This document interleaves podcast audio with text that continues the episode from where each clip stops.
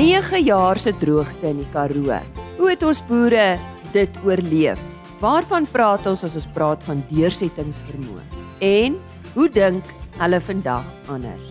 Dit is van die vrae wat Dion Vlok van die Calvinia omgewing vanoggend beantwoord. Ons het nuus oor 'n veiling van 30 September, 'n Bonsmara veiling daar in die Rustenburg omgewing en die natuurlike fynbosveld is onder groot druk weens die uitbreiding van stede en dorpe sowel as landboupraktyke. Ons het by Nampo Kaap weer met Pieter Koopman hieroor gesels en ook oor die uitstalling wat vanjaar daar was. Goeiemôre van my Lise Roberts. Ek vertrou jou uh, naweek was rustig, maar ook spesiaal. Een van die hoogtepunte van die onlangse Nampo Kaap daar op Bredasdorp was die Elim fynbos uitstalling. Ons het daar weer met Rupert Koopman, 'n onafhanklike bewaringskundige en fynboskenner, oor die uitstalling en ook oor die belangrikheid van die bewaring van ons natuurlike fynbos gesels. Hoewel Rupert nie van Elim is nie, was hy betrokke by die uitstalling en hy het ook meer inligting oor die skaars en bedreigde spesies van die Elim gebied sowel as van 'n nuwe spesies wat onlangs vir die eerste keer beskryf is met besoekers gedeel. Die Elim gemeenskap het baie moeite gedoen om hul ryk blomme erfenis met besoekers van Nampo Kaap te deel. Maar wat wou hulle met hierdie uitstalling bereik? So die rede hoekom ons hier is by Nampo Kaap ehm um, as die Elim wel ek is nie van die Elim gemeenskap nie maar ek staan hulle by uh is om die uh, ryk blomme ehm um, erfenis en ook die skaarsplante van die Elim area uit te lig. So uh omdat baie mense um, nie weet van die verskillende veldtipes wat ons het nie. Op Elim self is daar ten minste 3 of 4 veldtipes, maar ons wil nie alles tentoonstel nie, maar die mees uh, bedreigde een is die Elim ferricrete fynbos. So, so hy is 'n soort fynbos wat net op die um, die kleigrond en uh, baie, baie klipperige areas voorkom en hy is onder uh, baie druk as gevolg van landbou um, uitbreiding in die streek en ehm um, deesdae is van die grootste stukke wat oorbly op die elementgrond. So wat ons hier wil bereik is om die uh, natuur skoon uit te wys, maar nie net uit te wys nie, maar uh, om vir mense te sê dis wat jy kan doen om te help. Ehm um, in terme van uh, ons moet van hierdie indringer plante verwyder. Uh, ons moet die areas beter bestuur. So Elim het al klaar bestuursplan wat saam met natuurbewaring ontwerp is. Um en en ons moet nou werk om dit te implementeer. En die ander rede is net ook om hierdie erfenis wat e-, Elim voor bekend is, dis nou die mense erfenis, maar ook met die blomme erfenis, want Elim is die een van die eerste plekke waar die veldblom industrie, die, die so dis die wildfynbospluk industrie ontstaan het as gevolg van hoe uh, mooi en en ryk die blomme daar is. Dis 'n ander gedeelte van erfenis en wat ons wil hier bewys is dat menserfenis en um jou natuurerfenis is onlosmaakbare gedeelte van van mekaar. Die natuurlike fynbosveld is onder groot druk weens die uitbreiding van stede en dorpe sowel as landboupraktyke ook in die Elim gebied. Wat doen hulle om die skaars natuurlike veld te beskerm? So fynbos is nie net, jy weet ons dink van uh, Tafelberg as uh, en die die berge waar die fynbos is, maar die fynbos in die Wes-Kaap um, is op die laagland en eintlik waar ons dorpe is is van die mees bedreigde veldtipes. Uh soos in Kaapstad is daar amper 30 plante wat uitgesterf is as gevolg van uitbreiding. En hier in die Oeverberg is dit ook, um, jy weet ons het die renosteveld wat krities bedreig is en daar het ons, jy weet die kollegas by Overberg Renosteveld Trust wat wat daar aan werk. Daar's natuurbewaring Cape Nature self wat die reservaat het, maar ook tussen in die die reservaat werk met private grondeienaars. En dan het ons die geval van 'n gemeenskap soos Elim wat nog op hulle meentgrond baie groot areas wat natuurlik is en baie skaars plante in het.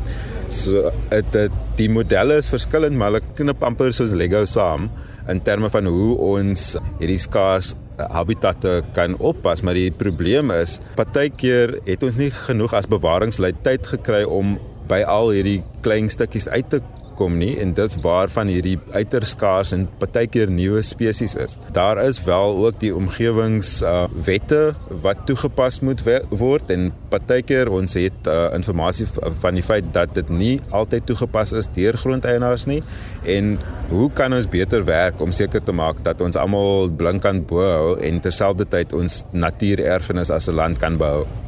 Die gebied met sy ryke verskeidenheid fynbos en skaars spesies is merkwaardig. Rupert vertel ons meer van die tipes fynbosveld en die skaars spesies wat in die gebied voorkom.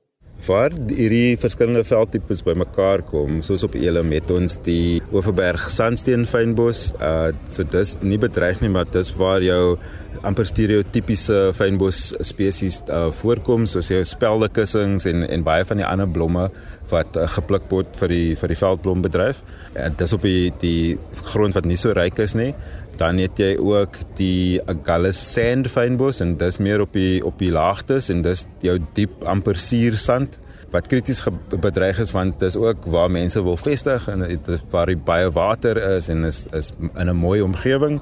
En dan ehm um, praat ons nou weer van die Elim Ferricrit fynbos en die laaste twee is krities bedreig as gevolg van die klomp spesies wat hulle het, maar ook hoe, hoe hulle habitat verloor het in die laaste tydperk. Um, en wat daai saamkom van die van die habitatte plus ook, jy weet, daar's klomp water in Elim teenoor ander renosterveldstreke soos riviere en vlei lande. Ek sê renosterveld omdat vir lang tyd dit is moeilik om Elim Ferricrit fynbos en renosterveld uitmekaar uit te trek as jy um, nie eintlik 'n plantekenner is nie maar die Ferricrit fynbos het 'n bietjie meer proteas en ericas en so voort in as as wat die uh, struiter renosterveld het. As gevolg daarvan met al hierdie verskillende habitat tipes en die verskillende hange en so voort het ons baie baie bedreigde plante um, wat daar voorkom of ek sou sê plante wat nou bedreig is as gevolg van die feit dat hulle um van hulle areas waar hulle voorheen ge, geleef het verloor het. En hier op die skou het ons 'n hele paar van hulle um uh, wat jy kan sien, maar ek dink spesifiek net om 'n paar uit te lig, uh daar's die uh Elim wat sou ons sê die knopbos of um die tolbos, so daai's Elim elements, oh sorry, Leucadendron elemensi, subspecies elemensi wat in die Elim areas voorkom. Um, so dis 'n pragtige protea wat nou besig is om te blom. So ons het um, die mannetjies en die wyfies hier binne. Dan is 'n uh, nog 'n merkwaardige plant wat jy gaan sien is die uh sogenaamde skamrosie. So dis die, die klein protea Protea pudens wat net in daai Elim gedeelte voorkom. Ons het van hierdie spesies Dinsdag gaan pluk op die Elim meengrond. So ons gaan na die Geelkop Natuurreservaat en ook na ander gedeeltes van die meengrond. En op daai tweede area is waar ons die uh, Elim heide gekry het die Erika regia wat hierdie pragtige wit bietjie pers tot rooi Erika is wat ons op die op die tafel het. Maar ehm um, gepraat van nuwe spesies wat ontdek is in die laaste tyd. Ehm um, hierdie area is goed deurgekyk al deur plantkundiges, maar ons kry nog steeds hierdie uh, verrassings. So 2 jaar gelede was daar fotos van 'n uh, 'n snaakse Satanthus, so dis 'n 'n 'n lelie wat hier was en niemand kon dit eintlik uitpleis nie. En ons het uh toe hierdie jaar toe hy fotos weer kom te sê ons bring asseblief 'n monster. En ons het gereël vir 'n monster om te om te kom van 'n uh, enkele plant van hierdie um Satanthus en hom gekry by die spesialis Dr. D. Snyman wat um, afgetree is maar sy werk nog steeds by Kirstenbos uh, in by die herbarium as as gedeelte van SANBI die Suid-Afrikaanse Nasionale Biodiversiteitsinstituut. En toe sy dit onderhande gekry het en dan kon compare met al die ander satantes dan kon sy sien okay hierdie is definitief iets nuuts en dit was 'n paar maande gelede gepubliseer in 'n joernaal en hy hy die, die naam nou van Satanthus novo anus Annus. So Nova Annus is is the um Latin translation van Nuwejaarsrivier van daai dis die area waar hy um nou gekry is en daar was eers net een klein kolletjie maar toe hulle nou die veldwerk gedoen het het hulle 'n tweede kol gekry maar daar's op die oomblik weet ons nie van meer as 300 plante in die wêreld nie. Hooplik nou volgende jaar dat ons nou weet waar hy voorkom, kan ons dalk meer kry, maar dalk nie en dis die enigste plek waar op die wêreld is en dis hoekom hierdie area so uh, merkwaardig is. Rupert Koopman is al lank betrokke in die fynboswêreld en besef die ekonomiese waarde van die natuurlike fynbosveld. Hoe sien hy die toekoms van fynbos as 'n natuurlike hulpbron? Ek is nou vir die laaste um paar dae wanneer ek het begin op die 1 September lentedag om vryskut te wees as 'n onafhanklike natuurbewaringsplantkundige, maar voor dit het ek um vir lank gewerk by Cape Nature as 'n fynbos spesialis en ook by die botaniese vereniging van Suid-Afrika as bewaringsbestuurder daar en dit was goed geweest want toe het ek 'n provinsiale en 'n nasionale blik gehad op um die bewaring van skaarsplante in Suid-Afrika. So uh, ek is maar teen die einde van die dag meestal 'n fynbospersoon. Um ons is nou ook baie betrokke gewees in die laaste tyd met die vetplante as gevolg van die um die stroping daar daarvan in in uh, Namakwaland en die res van die land hier by uh, Elim omdat ons lank hier betrokke is, dit is 'n goeie ding om te werk met 'n gemeenskap wat geïnteresseerd is, wat dalk 'n bietjie meer leiding uh, nodig het in terme van die fynere punte van die bewaring en daar's daar's 'n klomp uh, mense uh, wat gewillig is om te help in die in die area van die natuurbewaring um, gemeenskap. So dis eintlik ehm um, baie goed wat ek wil doen vir die res van die fynbos. En jy weet as ek sê ek praat ek van die gemeenskap. Uh, want ek kom van laasweek se fynbos forum waar al ons bewaringslei wat betrokke is met met fynbosbewaring en navorsing saam was op Langebaan wat ons wil hê is dat um, meer mense net uh, die ervaring kan geniet van in 'n gesonde stuk fynbos gaan stap maar ook ehm um, dat ons dink wat ons doen voordat ons hierdie hierdie pragtige erfenis skend van wat ons het. So ons het baie skaars areas ehm um, wat wat ehm um, hulp nodig het en ehm um, jy weet ons kyk na die toekoms toe. Ons wil nog steeds die ehm um, mooi fynbos bewaar vir ons kinders. My dogter is baie mal oor fynbos, so ons wil ander kids daai geleentheid gee. En dan praat ons nie eers eintlik van die rolle wat fynbos vertolk nie in terme van meeste van ons water in die, in in um metropolitan Kaapstad kom van fynbos af uh, opvanggebiede. Dis meer as 90% kom kom van daai Boland kompleks af. Ehm um, ons praat ook van die medisonale plante, ehm um, die potensiaal vir landbou. Ons het nou, jy weet, rooibos, boegu en heuningbos tee wat begin het, maar daar's ander opsies wat ons kan begin gebruik en dalk 'n verskillende soort landbou wat 'n bietjie ehm um, minder hard is op die aarde. Dit is dan 'n opname tydens Nampo Kaap met Rupert Koopman, 'n onafhanklike bewaringskundige en fynboskenner. Op 30 September vind die Mazel en Magaliesberg Bonsmara groep se 12de produksieveiling plaas en om ons meer daarvan te vertel gesels ek nou met Gerard Strydom. Ja Gerard, vertel eers vir ons goeiemôre kortliks van Mazel en Magaliesberg Bonsmaras. Môre Lize. Ja, weet jy in Mazel, net kortliks, is 'n samevoeging van my twee dogters, Madine en Zanel se name, Mazel en per toeval in Hebreëus beteken dit muzzle tov good luck. En die die Magaliesberg groep kom oor jare. En meeste van ons boer letterlik teen of aan daai hierdie pragtige berg wat ons die voorreg het om elke weet elke dag na te kyk. Ons het die groep jare terug gestig uh, spesifiek ons maras toetelers jy weet uh, in jy weet die Rustenburg omgewing. En ons hou ons 12de veiling dit is ons weet 'n absolute voorreg Wat bied julle aan op 30 September, Gerard? Ons het net oor die 30 stoetbulle, so 60 stoetvroulike diere en so 120 kommersiële uh ons maar vroulike. En dan uh, weet ons back and closer is maar midde ons en ons is nie altyd seker waar mag diere vervoer word nie en so uh, waar van die veiling plaas, wie bied dit vir julle aan en en en is julle daarom gemaklik met biosekuriteit en so voort? Ja, weet jy daai monster, dink ek het ons jy weet, het die regering amper onder beheer. Dit hoop en glo ons almal.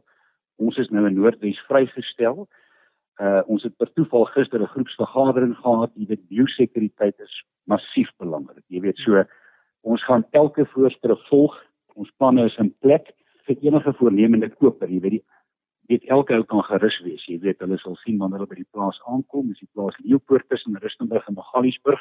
Dis waar die veiling gehou word vir enige, jy weet, voornemende kopers wat jy weet dalk in gebiede is wat geraak is, ons sal die diere by ons hou, jy weet, in, op ons risiko uh, tot hulle vrygestel is. Goed, so jy sê dit is 30 September, dit begin natuurlik uh, 11:00 in die oggend soos al enige ander veiling? Ja, wel ek dink dit net miskien byvoeg. Jy weet ja. vleisentraal ehm um, is, is is ons afslaer. En Wessel Meyer van Ermelo is die bestuurder.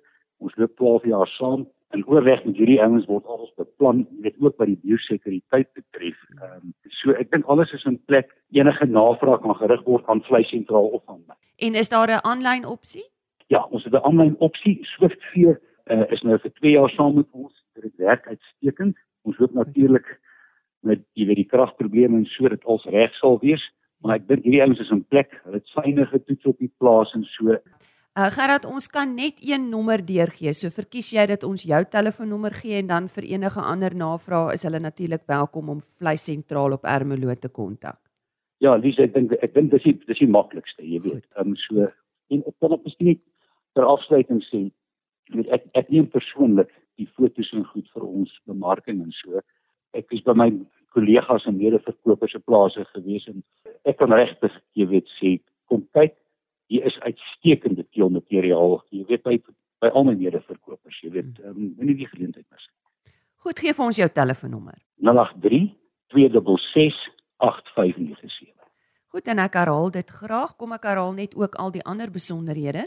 Dit is die Mazel en Magaliesberg Bonsmara groep se 12de produksieveiling op die plaas Leeupoort daar in die Rustenburg omgewing op 30 September en ek het gesels met Gerard Strydom 083 266 8597. Ons hoor baie stories oor die droogte in die Karoo, maar elke storie is anders, elke mens is anders en elke mens verwerk dit anders. Ek het vir Dion Vlok genader om te hoor hoe hy dit ervaar, oorleef en vandag kon getuig. Dion, Vertel ons kortliks eers van julle boerdery. Waar boer jy en en waaruit bestaan jou boerdery? Ehm um, Lisie, nee, ek het 'n paar plase. Ek boer hier tussen uh hier waar die Boesmanland en die Namakoland in die Karoo bymekaar kom net buite Kalvinia. En ek boer hoofsaaklik met met wolskape en vleisskape en dan het ek redelik baie van die inheemse rasse ook van die inheemse bokrasse en uh inheemse skaaprasse soos Damaras en headmasters en uh dan het ek 'n uh, 'n wild uh vertakking ook gehad maar na die lang droogte is feitelik al die wild vrek in die droogte so uh, op die oomblik is die wild nog maar 'n minimale deel van die boerdery. Nou ons gesels gereeld oor die realiteit van die droogte maar beskryf vir ons hoe lank dit nou al is en en en wat jy ervaar het. Weet jy, dit was nou 9 jaar was die droogte. Dit het mens nou nou verlede uh dis nou feitelik 'n jaar gelede het het, het ons goeie reën gehad en ons damme water gevat en en uh die winterreën ons lê op die grens van die winter en die somer uh deel so uh, die die winter deel het baie goed reën gehad vir jare uh, sommige van die boere in die winterdele het maar bitter min reën gehad. Maar hier in ons wêreld kan jy uh kos spaar in die veld uh na goeie reën so op die oomblik is ons is ons is ons wel af met kos maar maar uh die droogte was 9 jaar lank uh voordat hy nou basies ons hoop hy is gebreek as ons sien nou verder reën kry en gaan ons maar weer in 'n droë tyd ingaan maar uh, ons glo dit dit gaan gaan nou normaal begin reën vir die volgende paar jaar want uh, volgens statistieke uh, is dit veronderstel om nou te te, te reën in die volgende paar jaar. Ja, ons hoop ons hoop regtig vir julle. Dion, hoe gebeur dit dat 'n mens besluit nou moet ek 'n plan maak en dinge anders begin doen want ek bedoel Dis nou 9 jaar, so na jaar 1 dan dink jy, okay, miskien is alles nog in plek en nog reg. Miskien kry ek nou reën. Dan kry jy jaar 2 en jy kry jaar 3 en dis dis hoe dit aangaan. So kon jy vooruit beplan en voorsien uh, hoe, hoe hoe besluit 'n mens wanneer wanneer is nou nodig dat ek nou moet 'n plan maak? Jy weet uh, ons probeer maar altyd vir ons 'n uh, bietjie voer op berg ehm um, vir sulke droë tye En dan kom maar nou 'n droë jaar en dan gebruik jy maar jou voer en dan volgende jaar as dit weer droog gaan raak die stome al leer en die voer raak al minder. En dan besef jy een oggend maar hier is nou nie meer voer en hier is ook nou nie meer kos in die veld nie. Jy weet dat ek by my gesien het dat jy dat daar een skaap in 'n kamp agterbly en dat daar vir een skaap nie kos is in 'n kamp nie. So jy kom letterlik een oggend wat daar vir glad nie meer kos is nie, dan dan besef jy nou is dit nou uh, die dag jy moet nou vandag moet jy 'n plan maak.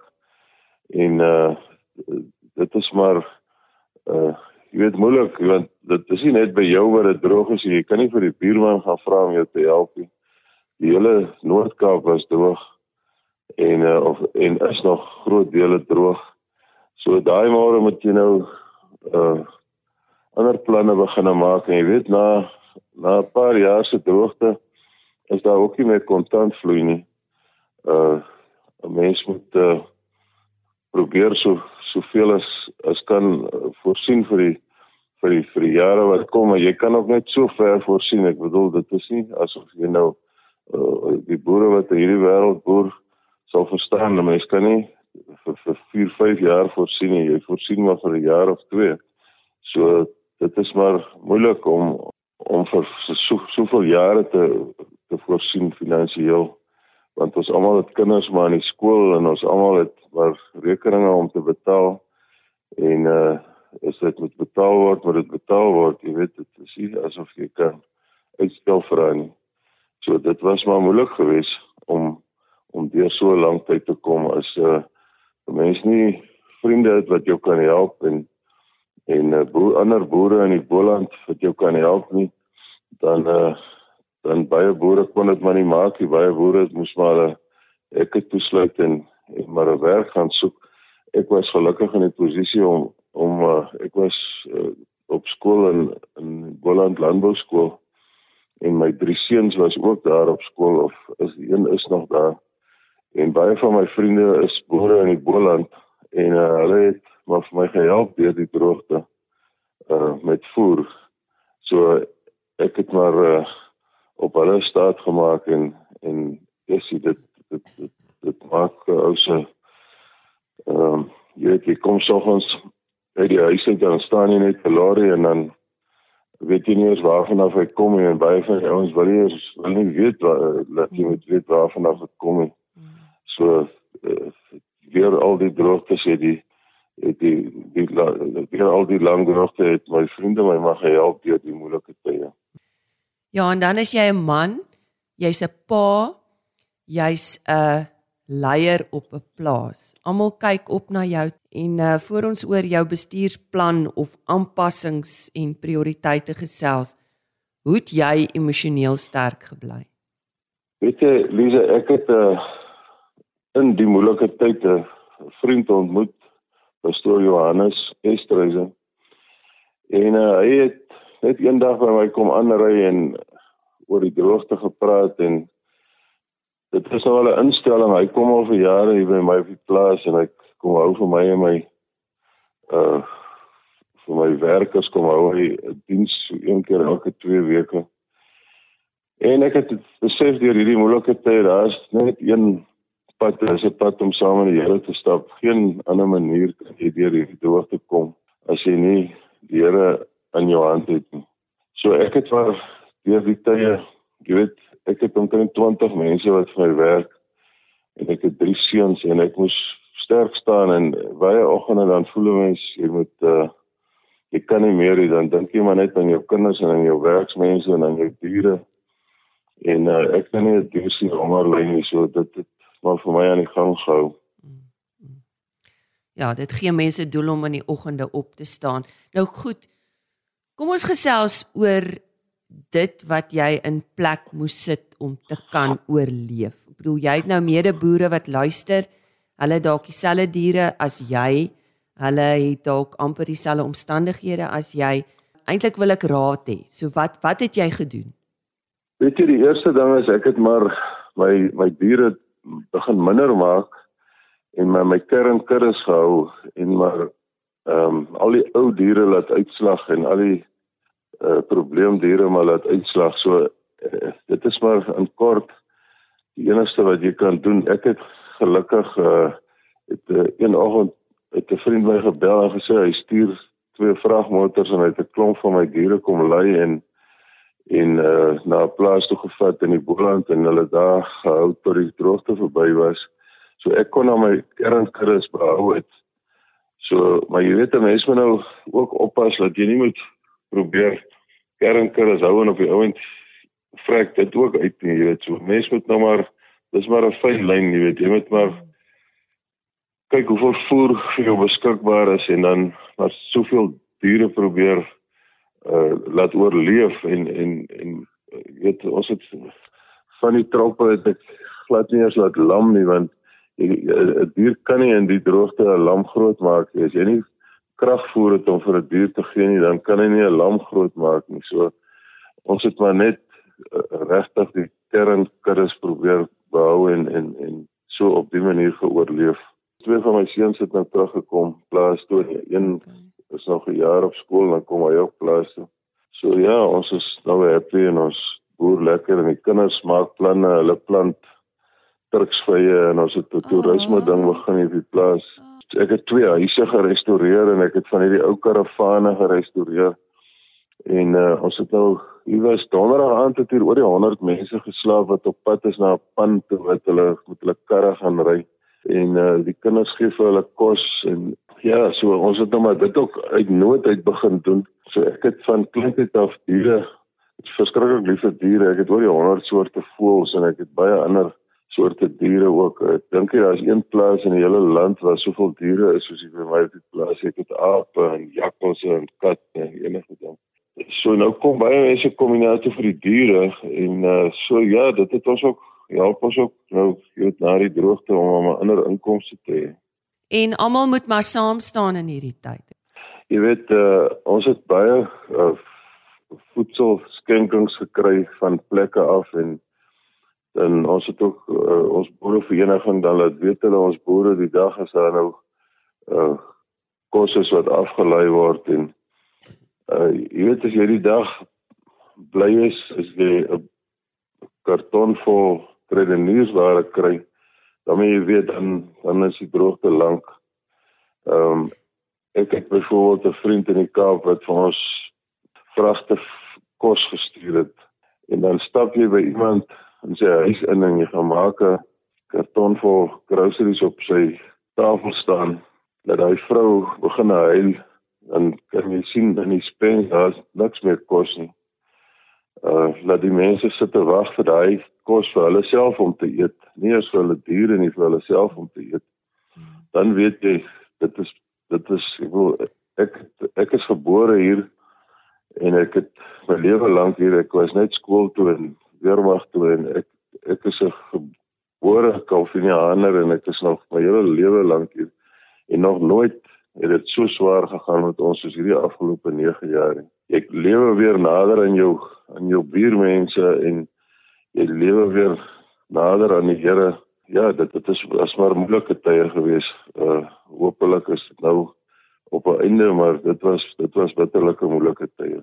Dis dan Dion Vlok wat vandag uit sy hart uitgepraat het oor die droogte, die 9 jaar droogte waardeur hulle is wat hy geleer het, hoe hy emosioneel hierdeur gekom het, wat mede Suid-Afrikaners vir hom beteken het. En Dion van my kant af baie dankie dat jy bereid was om jou storie met ons te deel. Indien jy met my wil gesels, stuur gerus 'n e-pos rsglandbou@plaasmedia.co.za. Tot môreoggend dan. Totsiens. RSG Landbou is 'n plaasmedia produksie met regisseur en aanbieder Lize Roberts en tegniese ondersteuning deur Jolande Rooi.